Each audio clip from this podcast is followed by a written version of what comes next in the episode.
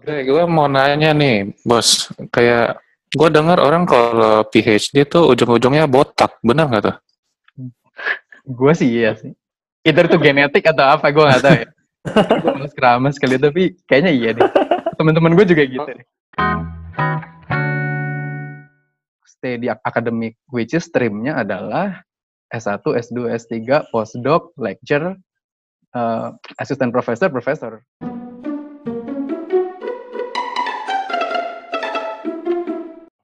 Oke, halo semuanya. Selamat datang di Shumai Podcast. Podcast. masih Ya, berantakan mulai. ya? ngelek ngelek dimaklumin ya, maaf semuanya. Nah, karena kita masih pakai Zoom. Oke, tapi masih bersama gue Ega Putra Sunarja dan teman-teman gue ini. Dan gua Audric. Dan gue lau. Nah, sekarang ini uh, kita kedatangan tamu spesial nih. Kita nggak coba bertiga lagi. Kita masih mempertahankan uh, apa guest based uh, oriented show kita. Sebenarnya uh, apa kayak yang kali ini sebenarnya orang ini personally bagi gue tuh dia sosok kut- tanda kutip dewasa sih di mata gue. Beliau ini beliau anjas.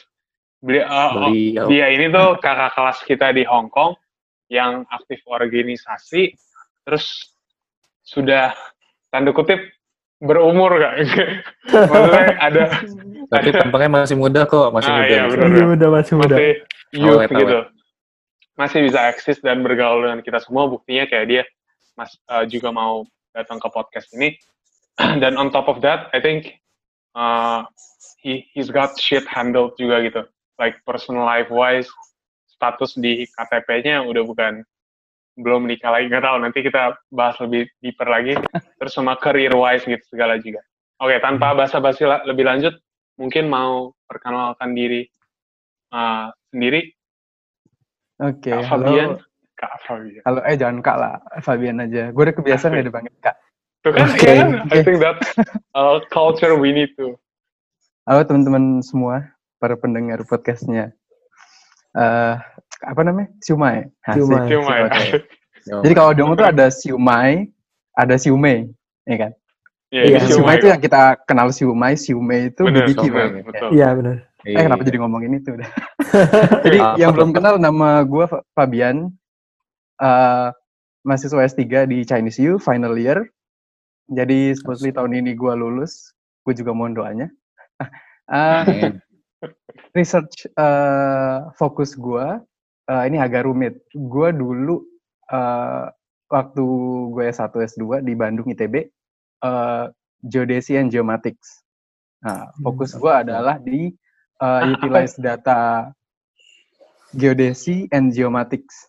Jadi geodesy dan geomatika kalau bahasa Indonesia. Nah, fokus gue adalah utilize data-data satelit untuk eh, berbagai kepentingan. Nah, fokusnya sekarang ada di gue gunain data lit, eh, data satelit radar untuk eh, ketinggian gelombang laut. Jadi eh, Oh. surface eh, wave height gitu. Nah, eh dari S1, S2, S3 gue nggak linear. Jadi dulu gue pernah belajar tentang S1 itu gue data satelit eh, untuk terumbu karang. Terus S2 gue data citra fo- foto udara untuk kebakaran hutan di Australia. Terus sekarang gue jadi Wow. gelombang laut gitu. Jadi mainly gue tetap bermain dengan data sat- data eh, citra satelit gitu. Atau remote sensing kalau biasa orang Inggris. Jadi nggak ada spesifik gue under geografi, gue under geomatics, geodesi. Jadi um, as long as it's uh, data satelit, gue bisa ut- utilize itu untuk berbagai keperluan. Kurang lebih Lu gitu. Satelit kayak expert gitu ya Enggak sih expert masih jauh. Gue utilize data satelit ya kalau ada. Sebenarnya goal gue adalah Indonesia tuh bisa pakai data satelit yang gratis Oh. di seluruh dunia tuh banyak data satelit yang gratis dan itu bisa diutilize buat apa pun. Satu Indonesia tuh bisa ke cover sebenarnya. Oh, Dan kita baru punya satu satelit doang. Itu IPB yang launching kemarin. Jadi IPB, IPB. Microsat pertanian Bogor per- pertanian Bogor. Iya. Tapi itu pun kayaknya nggak dibuka untuk umum. Kalaupun dibuka mungkin datanya belum begitu bagus. Itu. Nah, gue gue pakai data-data satelit yang free. Gue pakai untuk utilize eh, cari tinggi gelombang laut, eh, surface current, arah ya itulah untuk keselamatan na- navigasi juga kurang lebih Oke, oke. Oke. Ini, itu aja ini- kali ya bos bosan ngomongin ini topik riset mau nanya dikit dong, dikit dong. Cuman Boleh, boleh, boleh, sama field ini tuh kayak remote remote sensing ya. Itu Iya. banyak nggak sih peminatnya yang buat ngejar PhD di sini gitu? Oke. Eh, peminat peminatnya pasti banyak, cuman emang agak susah buat eh, kalau di Indonesia banyak eh, setiap universitas punya namanya masing-masing. Jadi si biasanya digabunginnya sama sistem informasi geografis dan penginderaan jauh. Itu namanya emang ribet. Eh, RSGS, Remote Sensing and System Informasi Geografis. Nah, itu intinya eh, kita bukan satu kayak misalnya hukum atau misalnya bisnis atau apa enggak. Kita ada di bawah satu departemen. Biasanya kalau di ITB di bawah geodesi, kalau di ITS di bawah geomatika, di UGM di bawah geografi gitu. Jadi kita satu keilmuan di di bawah ya di bawah departemen itu gitu orang-orang di Oke. keilmuan itu ya khususnya cuma meng mengutilize data sa- satelit tapi keperluannya banyak nih loh Hmm. mulai dari pertanian sampai kelautan sampai suhu sampai apa mungkin aerosol polusi kayak gitu Oh, cari harta karun juga bisa ya? bisa nah ah, harta karun ya nyari Nah, ini MH. MH 370 yang Malaysia kemarin tuh ada banyak ada ada Oh. ada orang Malaysia yang dia ngeliatin data radar tuh di laut buat nyari bangkai kapalnya itu dap- dapat juga dia Oke. Oke. ya gitulah Kita mulai aja kali ya pertanyaan-pertanyaannya ya. Yang gampang-gampang dulu deh. asik Bukannya lagi ngapain nih, Bob? Kesibukannya sekarang ngapain nih? Di tengah-tengah pandemi kayak gini lu ngapain di Hong Kong? eh Masih di Hong Kong ya, tapi ya lu juga. Kayak Mas- masih eh gue masih di Chinese New gue nggak ke mana-mana karena emang kalau gue keluar gue balik harus karantin 14 hari jadi gue stay di sini Eh, I'm finishing my thesis sekarang jadi hopefully bulan depan Juli 2020 gue bisa submit and then gue defense Eh, itu aja sih gue lagi eh, Lagi fokus fokus sama Iya. tesis ya berarti ya? Iya. Waduh. Ini tesis ke berapa, Fab? Ini tesis ke tesis kedua harusnya. Gue S2 Oh, tesis. kedua. Oh, oke, oke. S1 Lumayan. TA, S2 tesis, ini tesis. Ya, gitulah. Jadi gue cuman fokus itu doang ya sambil bantu-bantu di Hong Kong kan. Gue masih volunteer, ya kadang volunteer, kadang kayak gitu-gitu.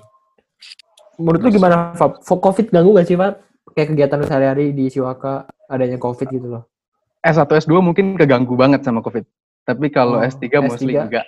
Karena eh ya lu nggak bisa jadi itu excuse gitu. Sekarang eh lu punya riset 4 tahun gitu. Fun- funding lu cuma 4 tahun atau ada yang 3 ada yang 4. Hmm. Ya lu bisa connect ke server, lu bisa segala macem. Dan karena musuh lu adalah waktu, ya lu harus bisa kerja remotely gitu. Jadi dan gua kan nggak ada kelas kan. Kalau lu Oh udah iya benar. kalau lu udah eh, S3 kelas lu cuma tahun pertama. Jadi starting tahun kedua lu teaching assistant, tahun ketiga keempat lu teaching assistant while lu eh, kerjaan tesis lu. Eh tapi by the way gue liat lu di kelas ya? Sendiri Ini loh. iya, kosong tuh. Kosong. Chinese itu lagi kosong banget. Gila. Lu bisa dapat akses ke kelas kosong gini enak banget dong. Iya, satu gedung nih cuman mungkin orangnya 5 atau 6 yang biasa diisi Oh. tiga 30-an. Aduh, bisa ajak orang main ya. lanjut, lanjut. Coba lah tanyain tentang postgrad deh. Oh, oke. Apa-apa? Ada yang mau lanjut Oke, postgrad? gue mau nanya nih, bos. Kayak gue dengar orang kalau PhD tuh ujung-ujungnya botak, benar nggak tuh? Gue sih iya sih. Either itu genetik atau apa, gue gak tahu ya. gue males keramas kali, tapi kayaknya iya deh. Teman-teman gue juga gitu deh. Oh, sumpah. Profesor gue juga gitu deh. Ah, emang Profesor banyak yang botak ya soalnya mitiknya gitu. Jadi orang pada takut PhD katanya. Oke, eh Pak, jadi kan lu kan dulu emang dari dulu kan emang udah fokusnya ke remote sensing, tapi kan beda fokus lah bilangnya. Ke satu kebakaran hutan, terus satu sekarang lagi di di laut ya. Ya, lagi gelombang laut. Tapi gue Yes. mau nanya, kayak lu kenapa sih bisa kayak mau melanjut perguruan tinggi gitu? Motivasi lu apa gitu? Hmm, Oke, motivasi ya. Hmm, Sebenarnya gue milih sih gitu. Orang orang ada yang milih oh ketika maksudnya orang dari dari SMA deh gitu. Ada orang yang milih ketika SMA dia naik ke uni. Kalau di Indo kan ada dua, ada pendidikan uh, kesarjanaan sama vo vokasi. Iya benar. Vokasi itu D1 Ah. sampai D4. Heeh. Nah, itu kan streamnya beda. Ketika lu vo- vokasi lu dapet 30% teori, 70% praktek. Ketika lu kesarjanaan, pendidikan tingginya beda, dibalik. Prakteknya Iya. cuma ti- Iya, ke betul. 30%, yang 70% lu uh, teori gitu. Nah, itu juga pilihan sama. Ketika lu lulus S1, lu punya pilihan. Lu gue mau lanjut profesional atau gue mau lanjut S2 gitu. Nah, gue memilih untuk akademik apa pun yang terjadi gitu. Jadi emang stream gue ya, ya gue uh, mungkin profesional dari internship atau mungkin gue dari uh, kerja sama sama pihak lain pas gue research gitu. Tapi uh, gue milih jalur untuk stay di ak- akademik, which is streamnya adalah S1, S2, S3, postdoc, lecture, uh, asisten profesor, profesor. Streamnya itu udah, maksudnya udah nggak bisa goyang, udah itu aja pilihannya gitu. Oh, jadi udah fix ikut jalur, jalur ini gitu.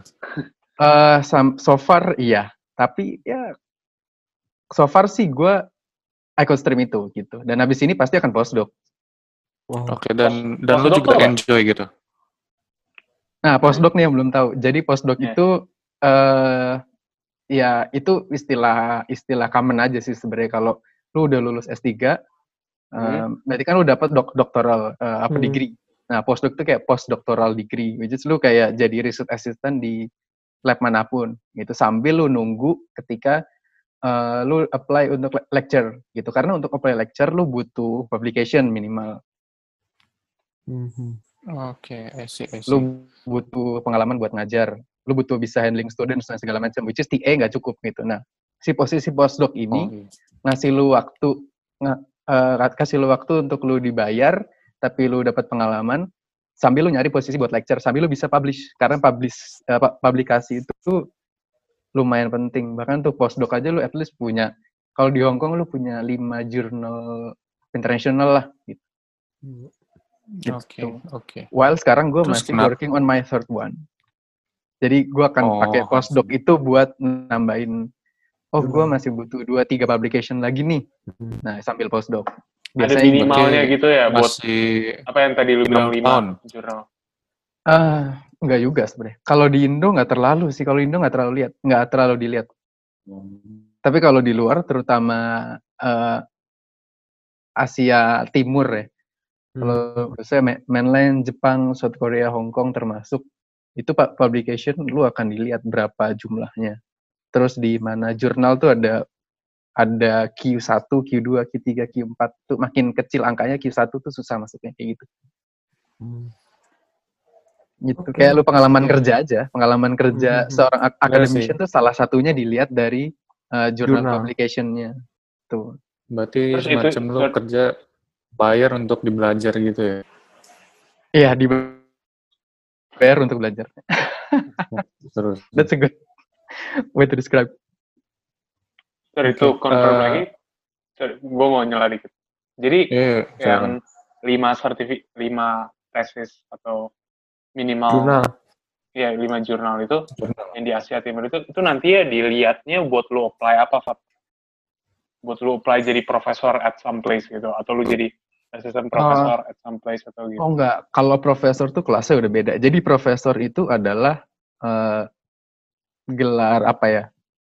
Honorary. Jadi lu lu nggak lu nggak lu nggak perlu sekolah, tapi lu diberikan gelar oleh sebuah in- institusi pendidikan untuk jadi profesor gitu.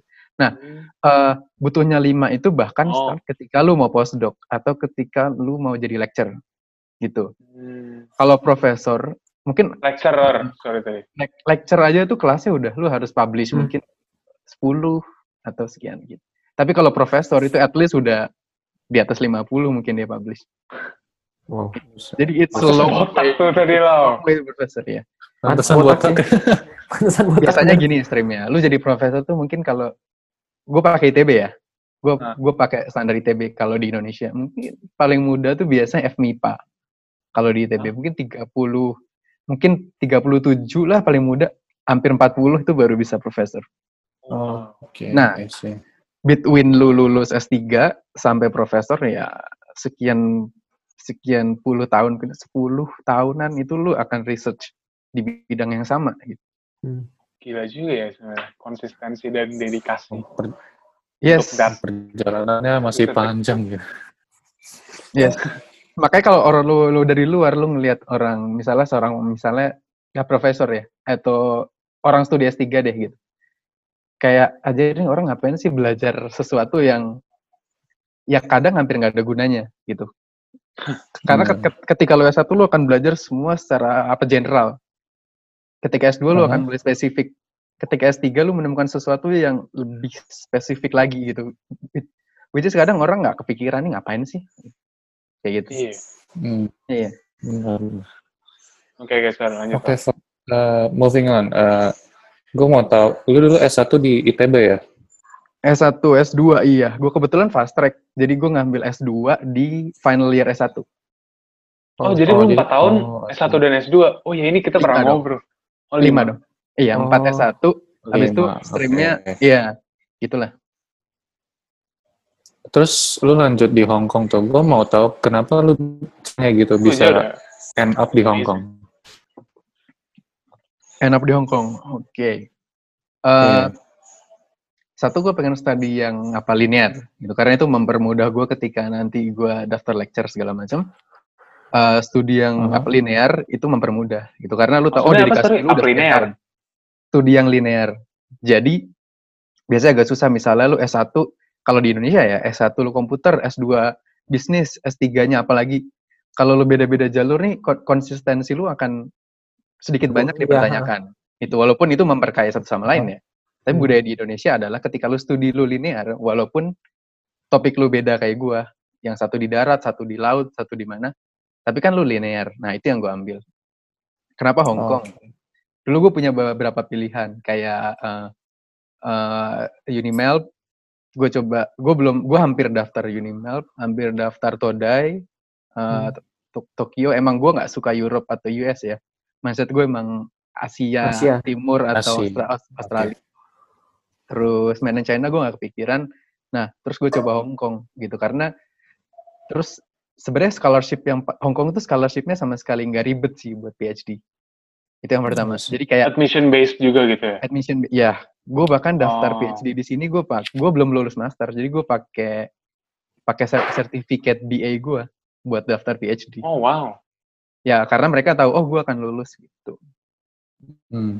Hmm. nah terus eh, di Hong Kong juga eh, kebetulan ada link profesor dari Indo yang pernah ngajar di sini dia pernah visiting di sini gitu Oh. jadi profesor gue sekarang yang di sini itu mereka familiar kayak oh dulu juga pernah ada nih profesor dari Indo yang visiting ke sini gitu jadi eh, lebih gampang gue buat approach ke Oh, ke prof gue yang sekarang Ya benar-benar. itu kayak koneksi gitu sih. Tapi sorry, Hmm, uh, ya. to go back dikit.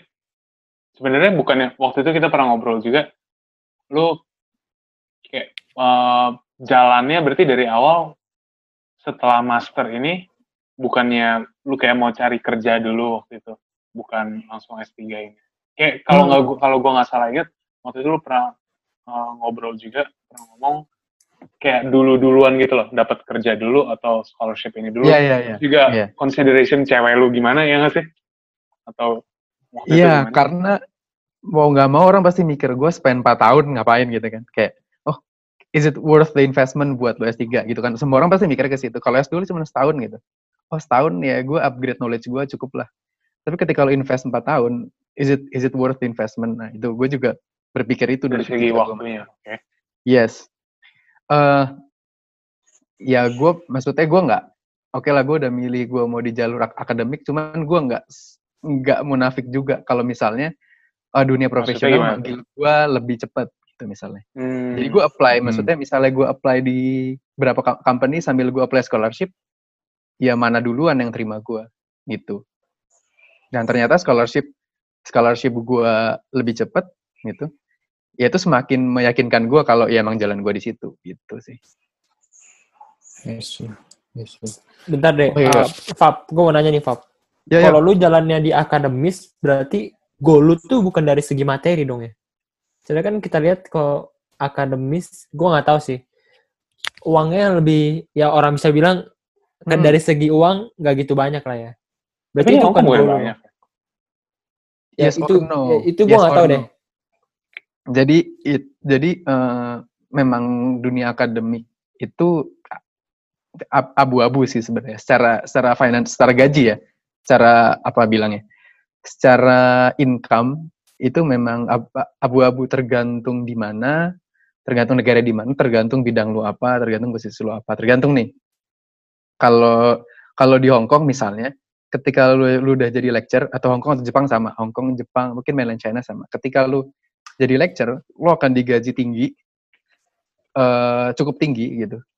Eh tapi lu nggak boleh ngambil side job apa pun gitu kecuali project yang berhubungan dengan riset lu itu dan income itu cukup sebenarnya di Hong Kong di Hong Kong cukup lah kayak sekitar mungkin minimal 30k Per month. itu ada per Oh. month lah mungkin 35 wow. minimal Itu gede sih, itu gede sih. minimal Wait, sorry. 35 Itu sebagai profesor. lecture. Lecture. enggak dong kalau profesor kalau profesor di sini udah mungkin 80k Iya. Gue Iya, dengar sih gitu. depends ya, on benar. jurusannya, iya. Jadi ketika, jadi ini gue buka aja kali ya. Hmm. Jadi, eh Silakan. ya, jadi roughly nih, ini roughly bukan maksudnya disclaimer eh, tiap kampus beda-beda, tiap jurusan beda-beda. Oke, oke, santai, santai. Tapi kalau gua, eh kalau scholarship itu range-nya sekarang tujuh belas ribu sampai dua puluh lima ribu Hong Kong dollar. Itu range-nya, depends ya. Kalau lu dapet HK PFS, which is government base, itu dua puluh lima ribu. Kalau gua graduate school itu 17 sampai 18 ribu. Itu Per bulan. Per, per bulan dapatnya. Iya, iya. Per bulan. Iya, Terus lu Oke, oke. Eh, kalau lu dapat postdoc di sini mungkin startnya 25.000 sampai ya startnya sekitar 25-an lah. Kalau postdoc 25 sampai 30 tergantung. Nah, profesor lu punya budget berapa dari researchnya dia. Jadi bisa bayar berapa. Tapi ada yang 35.000 juga ada postdoc pun. Nah, ketika lecture ya lu startnya dari 35.000 ke atas. Kalau profesor di atasnya lagi. Nah, itu tergantung uninya, tergantung misalnya ada jurusan yang jumlah lecture-nya banyak, lecture-nya dikit itu ngaruh semua. Tapi roughly di situ lah angkanya. Oke, oke. Gitu. Berarti nggak bisa Banyak. kecil juga dong. Itu gede juga. Emang nggak kecil nggak sih? Eh, Tapi- dibilang kecil, Lu kecil. nggak tinggal di dorm kecil. kan ya? Which is kalau lo bisnis, lu bisa un- unlimited gitu. Oh. Nah, karena lu beda ada restriction Indonesia. tadi ya nggak boleh kerja di luar itu. Di beberapa negara gitu, ya. Kalau di Indonesia beda lagi. Di Indo- di di Indo ada istilahnya dosen proyek, ada istilahnya dosen proyek. Dosen proyek. Ada tuh. Jadi lu eh, s- as lecturer, lu terdaftar di misalnya kampus ka- di apa ya? Ya di uni lah gitu. Mana aja. Hmm. Tapi lu proyekan juga di luar gitu. Lu punya company di luar, lu misalnya kerja sama pihak luar, lu punya proyek, kayak gitu juga bisa. Dan income lu lebih gede dari proyek dibanding lu ngajar. Juga ada. Oh. Itu tanpa lu harus meninggalkan kewajiban ngajar. Kan ada tuh. Eh, Oke. kewajiban ngajar lu berapa jam seminggu tuh ada. Iya, iya. Tuh, itu tergantung tiap negara punya kebijakannya beda-beda. Oke. Gitu. Oh ya, Fab. Ngomong-ngomong, ngomongin profesor, boleh tau nggak supervisor profesor lu nih orang mana ya? Eh, mainland. Mainland China. Oh, mainland. Terus lu bisa ngobrol gitu sama dia, personally lah ngomongnya. Eh, lak- luckily dia lama di US sih. Jadi Oh, Jadi oke oke dia- ngerti ngerti. jadi orang mainland terus dia dari dari dari master PhD terus dia udah research di US. Hmm, terus habis itu eh, dia balik ke sini gitu. Dan sekarang Oh, dia oke. udah dia jadi profesor. Sebenarnya dia sekarang udah keluar dari CU sih sebenarnya. Jadi dia dia pas final year gue nih gue eh, istilahnya mahasiswa terakhirnya dia gitu. Sekarang dia udah pindah ke eh, mainland China dan jadi profesor lagi sana Oh, oh. gitu. Terus sama sesama anak anak PhD gitu, kebanyakan ethnicity dari mana? Mainland Chinese juga. eh di departemen gue iya. Eh, cuman gua doang yang bukan mainland Chinese. Oh, Dulu Iya, ada juga. satu lokal. Dulu ada Gila. satu lokal. Bisa main Chinese semua. Iya, sekarang mainland Chinese. Mostly di departemen gua. Cuman gue doang yang Fun, fun fact, gue juga Terus- tahu ini cara COHK buat up ranking mereka. Kayak gimana?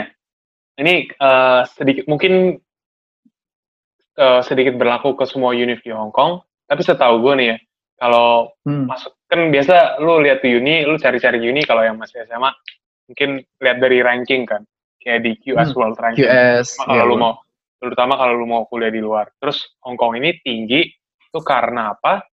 Yang faktor yang mendorong bangetnya nggak tahu mungkin Fabian bisa benerin atau lu pada bisa benerin. Karena ada faktor thesis research thesis yang dipublish oleh international students-nya. Ngerti nggak? Jadi paper jurnal-jurnal paper yang dipublish oleh CWK kan tadi dibilang banyak dari student mainland. Terus mainland itu termasuk kayak international students di CWK. Terus jadi itu karena banyak international authors of papers gitu, jadi membuat ranking CU sebagai international university itu naik banget gitu. Yes. Alasan pertama itu, alasan kedua pasti budget lah ya. Hmm. Karena budgetnya eh, dari mainland sangat besar. Research apa pun, mostly budgetnya gede-gede kalau dari mainland. Hong Kong juga gede, Oh. tapi susah. Oh, gue nggak tahu itu. Ya, untuk dapat untuk dapat research grant di Hong Kong itu lebih susah, jauh lebih susah dibanding dapat research grant di mainland China. Itu. Dan mainland China bener-bener research grant itu lo ada ada uangnya dan uangnya besar. Beda sama di Indonesia. Itu. Hmm. Di Indonesia kita nggak Baik. perlu cerita lah gitu. Orang Oh ya, iya. Nah, bahkan buat bahkan kadang buat publish jurnal aja lu butuh ngeluarin duit lu sendiri gitu. Karena research grant lu nggak cukup buat publish jurnal. Pelit juga ya Berarti Wah, Karena publish jurnal Eh. tuh nggak murah loh. At least kalau open ini case gue ya kemarin ya, eh gue harus bayar 700 US dollar. wow. Itu Q2. Mungkin Hmm. 700 800 US dollar lah untuk open access. Itu ada Oke. jurnal yang 1000 US dollar, 1500 US dollar. Nah, kalau di Indonesia ya research grant-nya kadang nggak cukup even untuk publish gitu. Makanya pa- publish rate-nya di Indonesia agak kurang tinggi gitu karena budget untuk publish-nya juga nggak ada. Nah, itu bener tadi yang saya bilang. Emang mainland China dihitungnya in- international student kalau di Hong Kong. Itu Hmm. udah internasional. Mereka ini kan kesadaran gampang untuk gitu loh masuk ke publish-nya Hong sangat Kongnya tinggi. mereka juga. Kesadaran buat publish. eh kesadaran untuk publish sangat tinggi. Orang mainland itu ngelihatnya, oh, gue as a student, as a ac- ac- academics gitu, gue bagusnya di mana ya? Gue publish gitu. Kalau gue nggak publish, sebagus apa pun gue ngajar, ya nggak akan di nggak akan ada yang tahu gitu. Makanya publish rate-nya China tuh sekarang gila-gilaan. Kalau lu lihat di jurnal-jurnal mana, kalau di field gue ya, itu kayak top tier-nya udah udah antara Europe, US, mainland Nice. gitu. Ya walaupun Jepang juga gila ya, tapi maksudnya negara-negara ya itu-itu aja. Dan mainland tuh oke banget publish, kesadaran untuk publishnya gitu dibanding Indonesia jauh. Oh, berarti sponsorshipnya China tuh yang gila, jadi makanya dia bisa juga compete sama negara besar lain gitu ya. Yes, iya, Oke. resource-nya gitu. Oke. Government-nya aware buat uh, journal publication. Nice. Sama gue penasaran satu lagi nih, Fab. Kayak lu udah empat tahun kan, yang tadi lu bilang kan, lu sampai mikir-mikir kan dulu, kayak empat tahun tuh kayak lama banget ya, ini worth it atau enggak gitu kan ya. Yes, Nah, true. terus pas lu ngalamin nih, lu melakukan research kan semuanya sendiri kan, mungkin dibantu supervisor tapi cuman diarahkan, bener nggak? Iya, Dan jadi kan lu apa-apa sendiri, lu mendiscover cara-cara sendiri, improve things sendiri. Lu pernah nggak sih kayak suatu saat tuh lu merasa jenuh gitu, motivasi lu tuh kayak turun, naik, turun, naik, turun gitu. Kayak lu merasa hilang gitu. Pasti bro, udah pasti. Itu Bahkan pasti. even ketika lu uh, ya ya lu menghadapi uh, lu mengerjakan sesuatu topik yang sama selama empat tahun pastilah itu udah pasti gitu. Mhm. Eh, gue juga pernah kayak, oh gue udah mentok banget. Gue satu bulan gue mencoba menghindar dari apa pun yang gue kerjain. Terus gue volunteer terus gitu sih. Gue tiap weekend gue volunteer volunteer. Tapi gue menghindari research, research gue. Dan once gue eh sadar lagi, ya gue harus back on track gitu. Jadi emang butuh. Lu jadi eh, sekuat-kuatnya lu apa ya research PhD lu nggak mungkin cuman punya kehidupan lu cuman di kampus doang lu kan butuh kehidupan lain ya buat hiburan aja either lu Oke. either lu in, in- internship either lu volunteering either lu or- organisasi apa pun itu buat hiburan ketika lu udah udah stres sama apa yang lu kerjain gitu Oke, berarti perlu pelarian ya, tapi pelarian lu produktif juga sih, luar biasa. dibilang produktif juga positif. enggak. dibilang produktif juga Po- enggak positif. masih masih banyak yang lebih produktif dari gua sebenarnya gue mencoba Ya, menekan produktif Iya sih.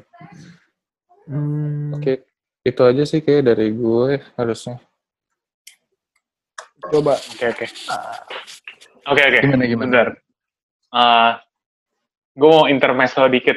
Kayak, karena dari tadi kayaknya topiknya udah lumayan serius dan apa apa studi. pertanyaan anda yang membuat topik ini serius Iya bener sih. Gak apa-apa nggak apa. saya hanya menjawab Emang- tergantung pertanyaan Emang anda sengaja, emang sengaja. Nah, sekarang gue mau nanya tentang yang lebih bener-bener santai banget. sip gue sambil Jadi minum kita, apa ya? gila santai banget. Tom. santai. gimana gimana kita kita tadi kayak kita lagi mau terapin juga nih kita mau stalk our future guest gitu maksudnya dari sosial media dia dan segalanya. Gue lihat-lihat dari Instagram lu nih Fab. Lu per- lu dulu rambutnya pernah gondrong kan? Hmm. gue juga soalnya sekarang lagi manjain rambut. Ini udah ke kebaca ya kira-kira level ke nggak pentingannya sih gimana. Tapi kesan lu ke rambut gondrong tuh gimana sih? Soalnya gue Oh, penting. nih ya kayak penting. kayak penting. jadi belajar sekaligus mungkin ini preachy banget ya tapi gue jadi belajar banyak tentang cewek rambut panjang dengan gue menumbuhkan rambut panjang. Kayak dari personally gue tuh lumayan sengsara dikit gitu sih. Tapi ya dari lu gimana Fab? gimana ya? Cuma menurut gue Iya karena lu harus keramas lu harus blow dry. Kalau nggak nanti ya lu harus ikat lu harus ya, iya. Itu terus kalau pas Perjalanan pun kayak wah gimana ya?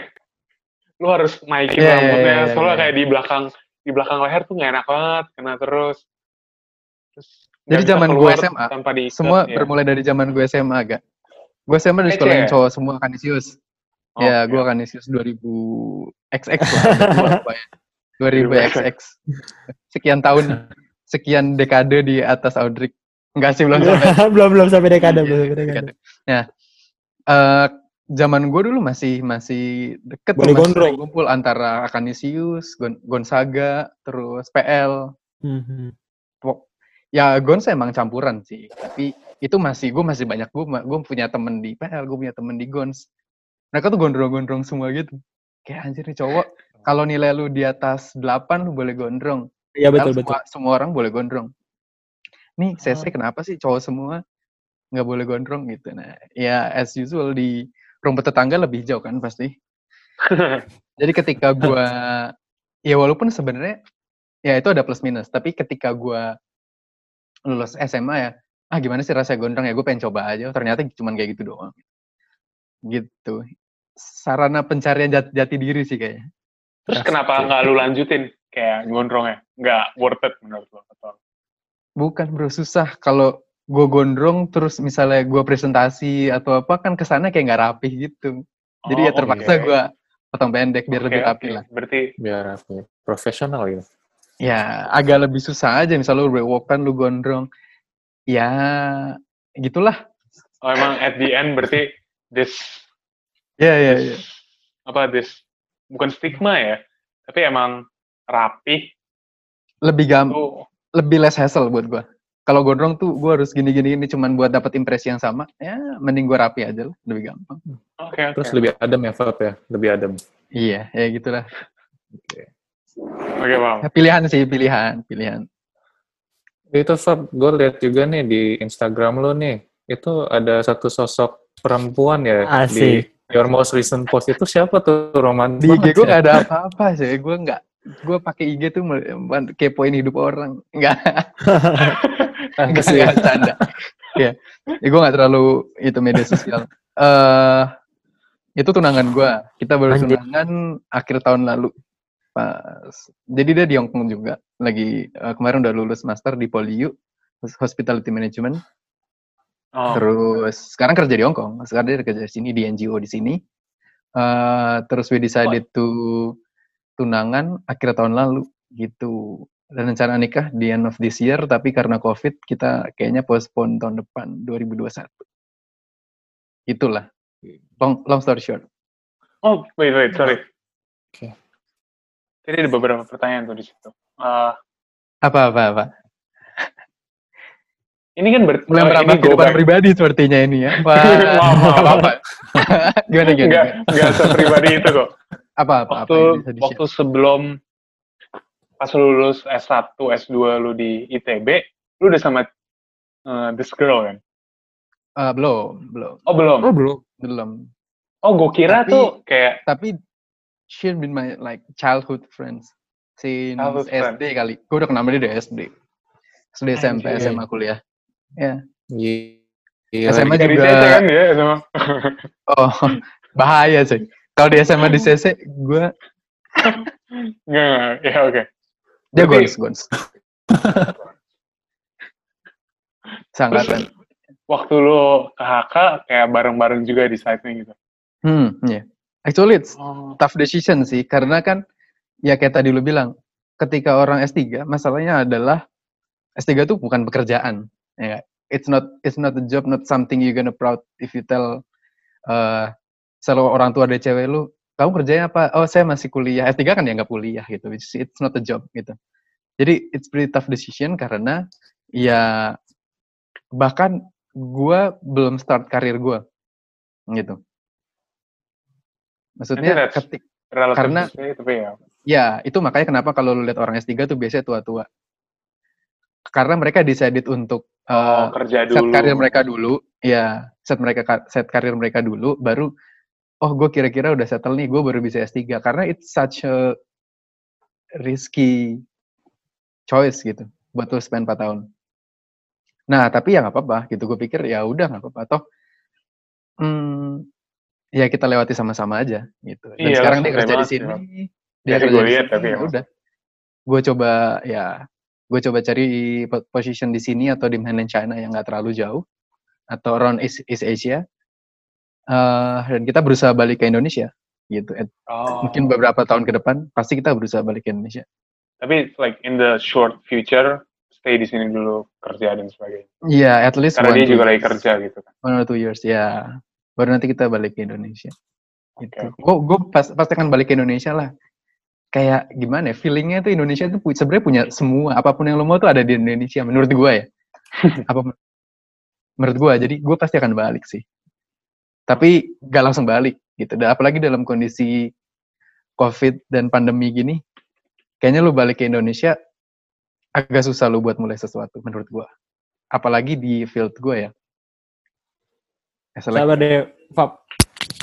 Gue nanya lagi deh. Eh, kan lu mau balik ke Indo nih. Hmm. Secara mental lu siap gak sih dengan kondisi Indo yang ya bisa dibilang secara akademis? Ya lu kan tadi udah udah mention Hmm. Financial di Hong Kong lah ya, di mana seorang lecturer bisa bisa dapat 35 ribu atau 70 juta per bulan. Mm-mm. Lu siap nggak dengan kondisi Indonesia yang sekarang ini tuh bisa dibilang guru-guru atau dosen-dosen secara financial nggak mungkin segitulah. Atau Bakal itu bawahnya. dulu atau enggak gitu nggak sih? Gue juga nggak tahu. Iya. eh sebetulnya benar gitu.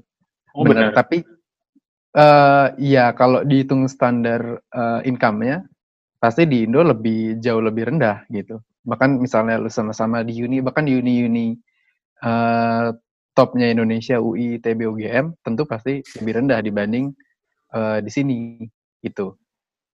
Tapi di Indonesia kita punya lebih banyak peluang. Kayak tadi gue bilang di sini lu once you're lecturer then you're stuck with a job. Lu nggak bisa misalnya ya mungkin lu bisa sambil jualan online cuman maksudnya lu nggak bisa as a con- consultant mungkin lu masih bisa gitu. Tapi eh, ya harus izin dan segala macam gitu. Di Indo lecturernya mungkin enggak tapi lu punya banyak peluang lain. Gitu. Oh. I see, I see. jadi mungkin banyaknya dari peluang lain. Eh as a con- consultant mungkin lu kerja sama sama mungkin gov- government butuh knowledge lu lu gabung ke tim ahli biasanya.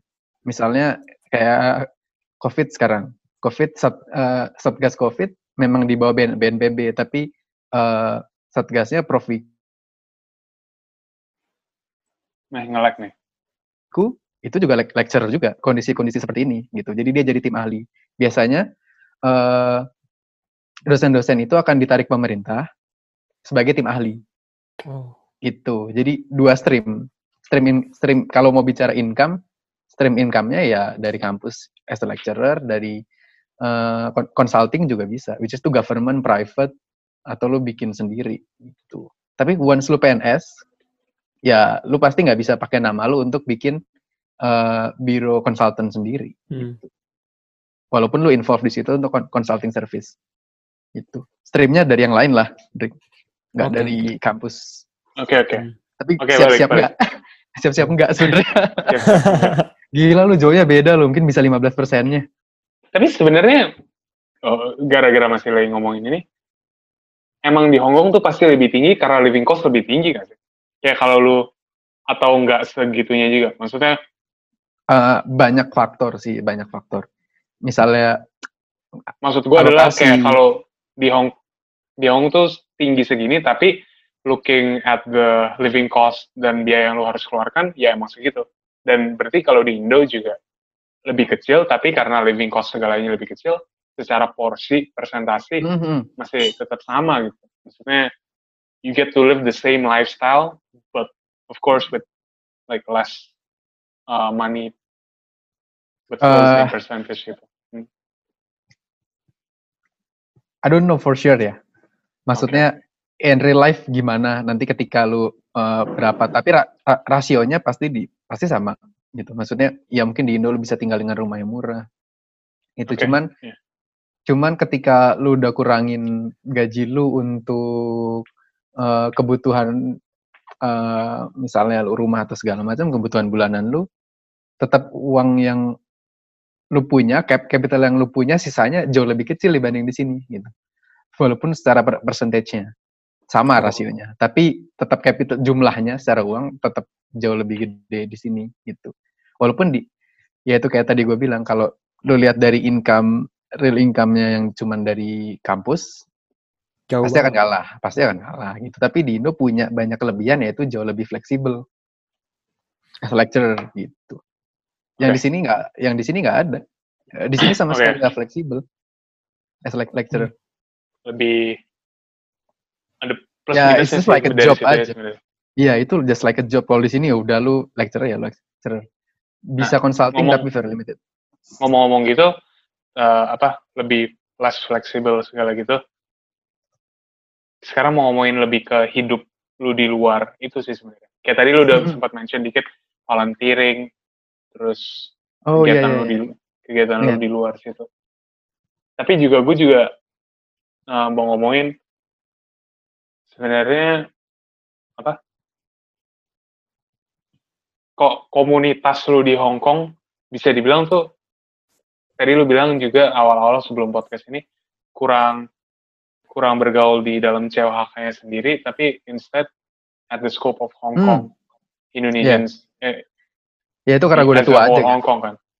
karena gue udah tua aja nggak nggak nggak nggak gue gue ngeliat Hong Kong tuh hmm, unik ya kayak maksudnya eh, diaspora itu akan unik sekali. Kayak misalnya lo orang Indonesia komunitas diaspora Indonesia di UK di London komunitas diaspora Indo di Tokyo itu unik. Tiap komunitas diaspora tuh punya kita berusaha membuat apa ya komunitas Indonesia kecil di dalam negara-negara tempat kita berada ya gitu. Kayak di Hong Kong juga unik gitu. Maksudnya?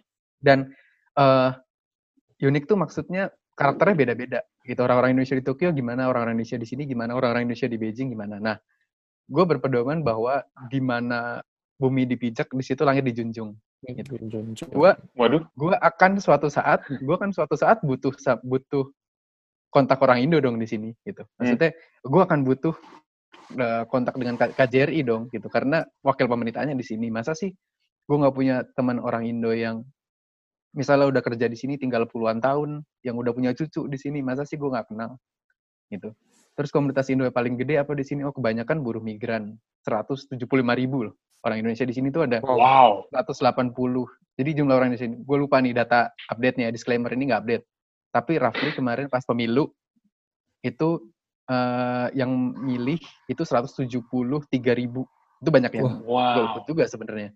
Tapi roughly segitu, 175 sampai 185 ribu. 90% lebih mungkin uh, buruh migran dan itu perempuan, gitu kan.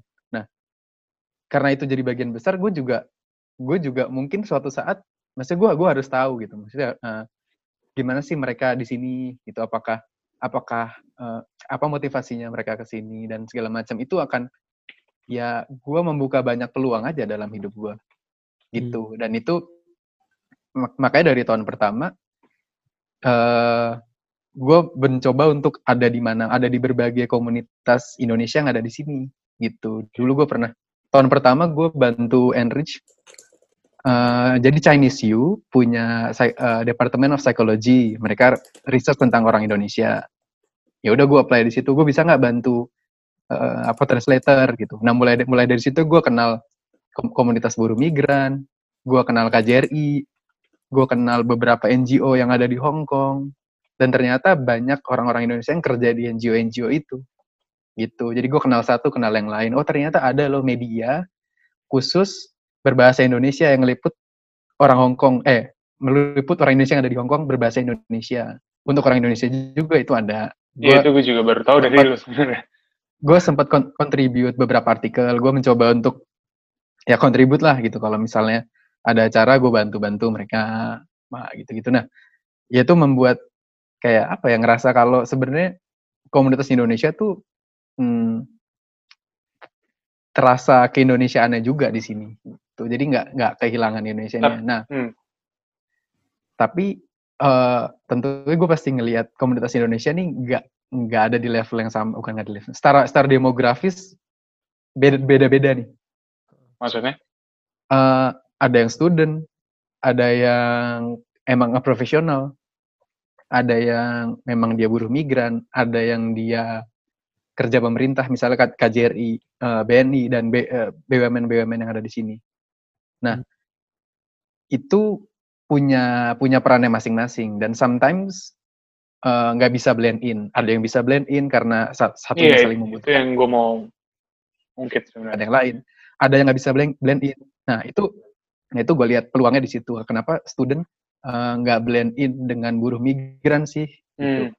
nah makanya gue masuk PPI dulu kayak gitu.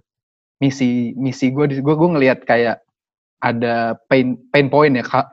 Mungkin kalau orang bisnis bilangnya pain pain point lah di situ. Ini ada satu hal yang bisa di solve apa nih? Oh gue mau hubungin student dengan buruh migran. Itu doang. Menurut uh, my take on that sebenarnya, I think ini pretty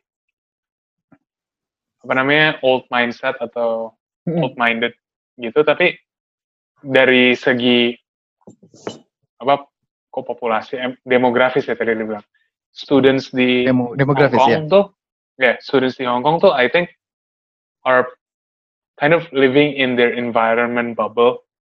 Karena Hmm. apa? Karena I think it's safe to say 80 to 90 percent of Indonesian undergrad students di Hong Kong tuh Hmm. ethnically Chinese ya, dan Hmm. berasal bahkan dari kayak kota-kota tertentu dari Indonesia gitu, kayak eh, Medan atau Jakarta lah, oke lah pasti Jakarta. Jakarta Surabaya Medan. Dan Dan dan karena justru I, I want to pinpoint ke this ethnically Chinese things ya karena menurut gue karena apa living in their environment bubble gitu kebanding di negara-negara lain kayak di luar Hong Kong bahkan di Taiwan sini aja ya, atau di mana tuh nggak kita gini gitu. Asia Timur lah ya Asia Ya. Asia Asia Asia Timur Jepang Asia Jepang Timur. Korea eh, China Hong Kong Taiwan gitu Hmm. lah itu kan gimana ya kayak beda banget gitu Hmm. sih Eh, terus beda apa, ya. yang tadi poin lu bilang juga sama buruh migran kurang apa kurang bisa kurang ada in- interaksi gitu ya atau uh, Hmm. kerjasama sebenarnya ada ah, di oke. ada pasti ada. Tapi maksudnya dari gue ya kaget 170 ribu buruh migran kayak lima ribu dong. Iya. Paham paham. Apa? ya. Ada something ada barrier gitu loh menurut gue yang belum kita pasti Terobos. pasti. Eh, dan itu nggak terjadi hanya di antara student ya. Maksudnya kan kan kayak tadi gue bilang uh, dem demografinya itu uh, banyak di sini. Itu ada apa pemerintah, ada uh, profesional, which is pro profesional di sini juga ma ma majority-nya adalah uh, Chinese descendant gitu. Nah, hmm. menurut gue ya ya nggak apa-apa gitu. Makanya ketika itu ada barrier, ya kita harus kita harus bikin jembatannya. Nah, nah itu yang mau gue bikin. Kenapa? Cuman kan gue nggak bisa bikin itu di antara mungkin government dengan mungkin profesional yang dari sini. Makanya gue bikin jembatan hmm. antara uh, buruh migran dengan dengan mahasiswa. Atau bahkan antara student undergrad dengan postgrad. Itu bahkan antara sekarang kalau uh, postgrad itu mayoritas di sini juga non Chinese descendant gitu loh. Hmm. tapi kalau under undergradnya mungkin ada karena, Leonardo sekarang. karena iya karena harus bayar sendiri karena uh, scholarshipnya nggak sebanyak postgrad jadi uh, nggak semua orang bisa afford itu gitu aja. Dan itu wajar itu kejadian juga di banyak negara di US di di London misalnya PP London gitu. Tapi kalau di Asia Timur mungkin uh, lebih relatif blend in ya. Mungkin Hong Kong aja nih yang agak beda. Iya. Singapura pasti beda gitu. Nah kayak gue baru sadar banget gitu lah uh, menurut gue it's not even a problem gitu. Karena problem. justru itu kesempatan gitu. Berarti kan berarti Kenapa? ketika lu kesempatan karena gini kalau gue uh, misalnya gue dari PPI. Hmm. Kalau semuanya nggak ada masalah, kalau di tempat itu nggak ada masalah, nggak ada pain point sesuatu yang harus di solve, ya organisasi gue nggak berguna dong. Buat apa? Oh, ya, justru gue itu berguna di situ karena ada nih eh, dua entitas yang sebenarnya kalau ketemu tuh mereka bisa sharing. Kalau ketemu mereka bisa ada uh, no, bisa bertukar pikiran. Mereka bisa belajar satu sama lain. Yang satu belajar lebih pintar, yang satu belajar lebih naikin empatinya mungkin belajar apa segala macam nah justru karena ada itu maka organisasi gue punya manfaat gitu. Nah gue berangkat dari yang kecil-kecil gitu aja. Sebenarnya gue juga oh, gila, oh ini apa nih? banget sih kayaknya, uh, kayaknya di PPI Hong Kong nih uh, postgrade-nya nggak ada sama sekali nih. Ya udah hmm. gue masuk. Entah gue berguna atau enggak tapi at, at least gue banget sih pak kan terus gue ngasih oh uh, ya mana bagian yang kosong aja gue coba tempatin gitu sebenarnya cuma itu ya. jadi uh, ya gua isi kebosanan gua bertesis atau ber, ber meneliti sesuatu ya dengan itu. Tapi that's a very positive minded way to melihat ini. In a way, in a way. Yeah. In a way, karena in the other way, mungkin gue bisa spend waktu gue untuk in internship, gue bisa spend waktu gue untuk uh, di internship sih sebenarnya. Kayak lu uh, intern di perusahaan-perusahaan yang oke okay di Hong Kong, which is peluangnya banyak, yeah. dan gue jadi nggak punya waktu untuk itu. itu juga no, bisa no, gitu. Maksud gue, your uh, your point of view tentang this majority Chinese descendant demographic in a very yeah. positive way gitu. Okay. Iya, itu karena pasti dua entitas apa pun bentuknya pasti ada yang bisa dipelajari ketika mereka bertemu. As long as sebenarnya barrier itu kita yang buat, bro. Barrier itu pikiran kita yang buat. Iya, Benar-benar. Gue ngomong gini aja, gue juga sadar gitu. Barrier itu pikiran yang buat. Makanya gue merasa, ah, dibanding gue mikirin barrier, bikin aja dulu jembatannya. Kalau emang barriernya emang ada, tuh gue udah bikin jembatan, nggak akan bisa bersatu. gitu. Buktinya bisa kok. Gitu. Ada ngajar bahasa Inggris, terus ya gue coba kemarin mahasiswa universitas terbuka, which is 100%-nya adalah buruh migran itu gue belum bisa approach gitu. Mungkin pas kemarin gue jadi pengurus gue belum bisa approachnya. Mungkin next year bisa di approach nih eh, mbak-mbak yang punya status mahasiswa gitu biar mereka bisa jadi jembatan antara iya, mbak, -mbak yang lain gitu. Ada universitas terbuka jadi, gitu juga sekarang. Ada di, di di Hong Kong itu bahkan dulu ada SMP SMA oh. hah SMP dulu ya dulu uh, eh, PPI Hong Kong pernah di namanya Bintang Nusantara. Kita pernah volunteer dua tahun lalu mungkin ya. Volunteer untuk ngajar uh, ini apa namanya kejar paket ya, kejar paket B, kejar paket C. Hmm. Kita pernah tuh volunteer. volunteer juga tuh, ya. Iya, kejar paket B, kejar paket C. Jadi karena komunitas Indonesia besar di sini. Kurang lebih gitu. Yap. Oke, oke. Wah. Keren sih. Sedikit apa ya minder I guess in a sense. Nah, Apa makanya nih setelah gua nggak ada belum ada postgrad yang gabung ke PP lagi ya tahun depan lah. Lau. Iya, nah, makanya tadi, tapi Lau, gimana ya? Bukan gue punya sesuatu against Lau, maksud gue. Eh, lo mau lanjut postgrad, Lau. Iya, gue gue admit Oh iya, lo? PhD. Oke. Asik. Berarti lu sama kayak gue ya? MPhil abis itu PhD stream ya kan? Oh enggak, gue enggak MPhil. Jadi benar gue Oh, bachelor oke. 4 tahun terus langsung masuk PhD. Jadi Hmm. enggak MPhil 2 tahun, Jadi lu uh, PhD 2 tahun. Jadi gue PhD. lu eh, dapat empat tahun. scholarship yang HK PFS nggak? Nah. Atau postgraduate scholarship? Gue postgraduate scholarship yang Oh, Oke, sama. kayak 17 gue. ribu. Gue gue tuh apply-nya telat banget, benar-benar telat. Cukup satu kok. bulan. Terus gue baru sadar, wah, ya. cuman ya berterima kasih lah. Udah itu udah Cukup, lebih dari cukup. cukup. Mantap, mantap. Apalagi lu, Lu bisa tinggal di nabung dorm banyak. gitu loh. Ya, dari Oh, situ iya. bisa nabung banyak kok. Lu tinggal di dorm bisa nabung banyak. Bahkan Ya, even gua lebih banyak dibanding postgrad. yang kerja. Karena rentnya mahal. Oh iya. Iyalah. Terus makannya juga ya. Ya lu, lu hitung-hitung aja. Sehari lu kerja di sini lu harus makan berapa? Dan lu harus catch up dengan sesama sesama kolik lu. Kan lu nggak mungkin dong. Gue makan Iya, murah sendiri F ya? nggak mungkin. Lu harus catch up weekend segala macam. That's lots of money, bro. Benar, benar sih. Kalau lu Kalau bilang, gue kalau lu mikirin duit, kecapnya ngapain ya? Iya. Kecap pakai budget meal ya, disisihkan. Samsungnya tergantung. pusing kan. Makanya tadi gue Hmm. bilang itu pilihan Uh, antara dua orang yang punya pilihan yang berbeda. Itu lu lu nggak bisa ngejudge, lu hanya bisa saling belajar. Gitu. Kalau pilihan Oh, lu iya. salah, kalau pilihan lu salah, lu maksudnya gini kita uh, pilihan salah bener menurut gua nggak nggak masalah. Kalau pilihan gua bener, toh orang lain bisa belajar dari gua. Kalau pilihan gua eh kalau pilihan gua salah, orang juga bisa belajar dari gua buat nggak ngambil pilihan gua. Jadi Oh, ketika lu hidup lu berhasil atau gagal, lu akan berguna tetap berguna untuk sekitar lu. Ini nih. Either lu jadi contoh atau lu yang dihindari. Lu tetap berguna kan? Asik. Salah satu Again, a very positive way. podcast ya. Asik. Hal-hal itu me- me- meringankan pikiran lu aja gitu. Iya, iya. Bisa dianggap positif, bisa dianggap excuse, defense.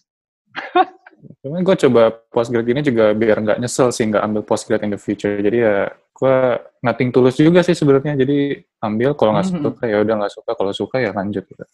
Hmm. Ya. Coba dinikmati. Ya, Oke, oke. kita Audric gimana Drik kabarnya? Apa lau? Ini nggak sampai merambah ke filosofi hidup kan? Gini-gini aja kan? Lu kalau mau nambah boleh sih. Gue kayak tertarik kalau lu punya filosofi hidup sekarang. Bohong. Kata mutiaranya banyak banget nih. Ini kata Iya, mutiara gitu. banyak banget sih nih. Eh, yaudah, kita masuk ke ranah percintaan deh ya. Hubungan. Asik. Kita Oke. udah tahu lu lu udah punya cewek kan di sini kan. Dan gue Iya. denger lu juga udah ngelamar, lu udah main chick juga. Tahun lalu lu lamar cewek lu. Yes. Nah, terus bisa sharing-sharing nggak kayak gimana sih proses pelamaran atau ntar pernikahan di Hong Kong tuh apa sih plus minusnya? Oh iya, lu nikah di Hong Kong ya berarti ya? Enggak, gue nikah di Indo. Oh nikah di Indo. And, and that's, itu ribet banget bro ngurusnya. Ribet in a fun way ya maksudnya. Ya ya, lagi-lagi gitu kalau lu kalau eh, gini ada yang orang pernah bilang eh, kalau lu mau kenal temen lu ajak dia naik gunung gitu kan. Kalau zaman dulu gue ya, zaman gue Ah, kuliah di Indo kayak oh lu kalau mau kenal temen lu ajak aja dia naik, dia naik gunung. Ketika lu susah bareng-bareng apa yang dia lakuin. Nah, ketika dia eh oke, bukan oke ya, gimana bilangnya? Ketika dia masih tetap jadi teman yang baik, ya dalam kondisi senang pun dia bakal jadi teman yang baik gitu. Gampangnya gitu. Sama eh ngurus pernikahan di Indo dari luar negeri itu ribet banget. gitu. Apalagi di era-era COVID gini. Gitu. Karena kebetulan gue Katolik. Jadi gue sama cewek gue dua dia Katolik. Jadi eh, Katolik itu lumayan banyak persyaratannya. Lu harus eh, kursus persiapan pernikahan Iya. dan sebagainya gitu. Dan Untung Eh, lu berdua udah Katolik juga itu. Iya. Iya. Untung. itu pun persiapan kursus persiapan pernikahannya harus di terpaksa di Hong Kong gitu. Padahal gue mau di Indonesia kan lebih enak soalnya. Tapi itu terpaksa di Hong Kong gitu karena gue nggak bisa pulang. Kalau gue pulang, gue balik ke sini kuarantin 14 hari, eh, kayaknya cuti gue habis, cutinya dia juga habis. Hmm, Gitu. paham. Gitu. Ya ada plus minusnya sih sebenarnya. Cuman ya kayak tadi gue bilang, it's a, buat semua orang pasti it's a tough decision. Hmm. Gitu, Tadi lu mau- apa pun tadi lu mau mention, tadi lu mention apa? Kalau mau kenal temen lu, lu sering ke gunung ya? Bawa dia ke gunung. Emang gitu gak sih uh, phrase-nya? Kalau lu mau, ya gue nggak tahu sih itu itu om apa sih omongan anak-anak zaman dulu lah gitu. Ya kalau mau gunung juga lu ajak ngomong. gunung. gitu. Kalau lu ajak ke bar, Anak-anak gunung. kalau lu ajak ke bar ya dia bisa aja nggak jadi dirinya sendiri gitu. Tapi kan ketika dalam ketika lu dalam posisi eh, misalnya sulit atau capek segala macam Yang akan lu gitu keluarkan adalah gitu. adalah pure emotion lu akan keluar gitu. Apakah lu orangnya ketika lu capek lu tetap humoris? Apakah lu ketika lu capek lu tetap merhatiin orang? Apakah ketika lu bahkan capek lu jadi egois? Itu kelihatan di gunung semua. Jadi ya dibanding ini bawa aja ke gunung ntar juga pas lagi nanjak kelihatan dia. Either dia galak, either dia apa gitu. Oh. Ya. Itu lu, gitulah. lu, jadi cerita lu propose cewek lu sambil hiking gitu ya? Pantes dia sering naik gunung, pantes dia sering naik gunung. Karena itu gitu. hanya contoh. Itu hanya contoh. Tidak Oke. harus explicitly diterapkan seperti itu juga. Jadi muda- anyway, ya, mungkin ya. tips yang semua orang bisa practically Ya, apa, dengan- lakukan. Lu dengan pacar lu harus naik gunung dulu sebelum lu mau Iya. propose dia gitu. Iya. Ya, sebelum lu tembak lu ajak dulu naik gunung gitu. Act- Actually ya, tahun lalu gue winter winter tahun lalu kita naik gunung Huangshan di. An- Anhui, China. Itu Wow. Kita naik gunung di tengah in the middle of snow, jadi bener-bener nggak sampai blizzard sih, tapi salju semua, dingin segala macem. Terus dia di atas ankle. Jadi dia pas kita udah naik ke atas, udah saya pas lagi turun kan tuh licin segala macem, dia kepleset ankle. Eh, Wow. kita harus turun dia sambil ankle segala macem. Ya emang bener gitu. Jadi gue jadi ya ada berantemnya, ada bersyukurnya, ada baiknya. Tapi emang lihat dalam kasus gue, lit- literally gue ajak naik gunung. Oke. Iya Tapi nggak perlu juga. Heeh.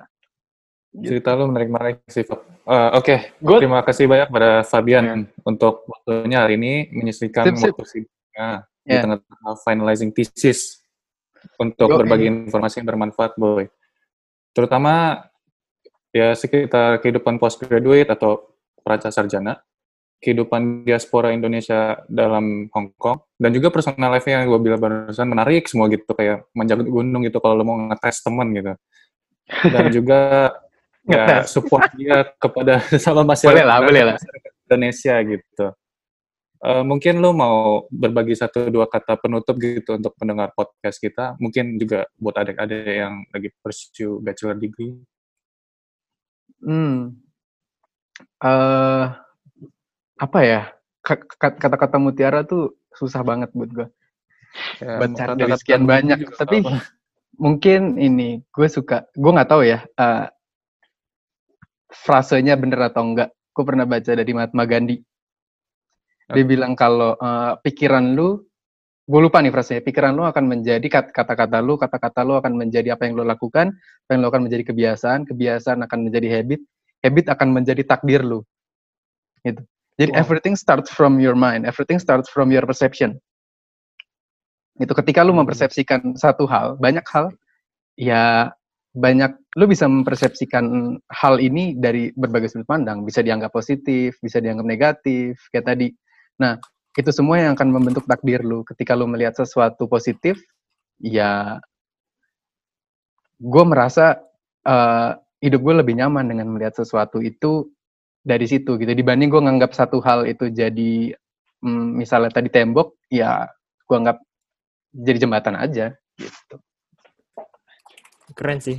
Itu bener banget sih menurut gua. Dan Semua berawal dari pikiran. it- gitu. Let Iya. that sink in dulu. Menurut gue itu karena lu ada di postgrad gitu. Jadi gue me mengencourage orang untuk postgrad. Asik. Karena ketika lu ketika lu lepas dari S1, hidup kehidupan S2, S3 lu akan penuh dengan perdebatan. Lu akan berusaha untuk mendebat apa yang lu kerjakan itu sebagai hal yang benar. Dari situ Leonardo lu nih. belajar perspektif orang dan dari situ lu akan belajar untuk berani bilang bahwa oh sorry gue salah dengan mengakui gue salah bahwa Oke. mengakui gue salah itu berarti gue pengen belajar dan it's a humble being being being being humble menurut gue lumayan penting dan gue belajar itu di postgrad jadi gue mengencourage orang Asik. untuk Being humble. Berarti lo ntar bisa jago debat nih. ya seumur hidup lu semua seumur hidup sih sepanjang hari lu akan debat Ini menurut Hidup gue teori debat- ini bener debat. nih enggak menurut menurut gue ini yang bener ya lu debat in a positive way gitu Oke deh Lang. Ada lagi? Udah. Eh, mungkin ada yang mau kalau mau penasaran Fabian orangnya gimana ganteng lo lu bisa lihat Ah. mungkin di Instagram lu apa Fab? Eh tapi udah punya lamaran lo jangan gitu dong. Iya sayang sekali bro. Punya tunangan. Eh, in- Instagram gue at Fabian Surya. Dalam situ gak ada apa-apa sih sebenarnya. Yang ada apa nih ada Facebook nih apa-apa. Facebook. Facebook mungkin lengkap. Fa- Fabian Surya Kayak Pramudia. Asik. Fabian di IG gue cuman ada ya foto-foto gue liburan karena emang dulu gue sering suka jalan-jalan. Itu doang. Dan ketika lu postgrad lu banyak kesempatan untuk conference di luar negeri jalan-jalan dibayarin oleh budget profesor lu itu gue look forward banget sih itu mantep sih. dibayarin budget profesor lu profesor lu yang pusing bayarin lu lu tinggal presentasi gitu sih dari gue Oke oke. tip kalau Oke ada yang ada yang bagus diambil ada yang buruk dibuang aja Iya. Dari gua. catat tuh guys. Jadi terima kasih udah denger. See you guys on the next episode.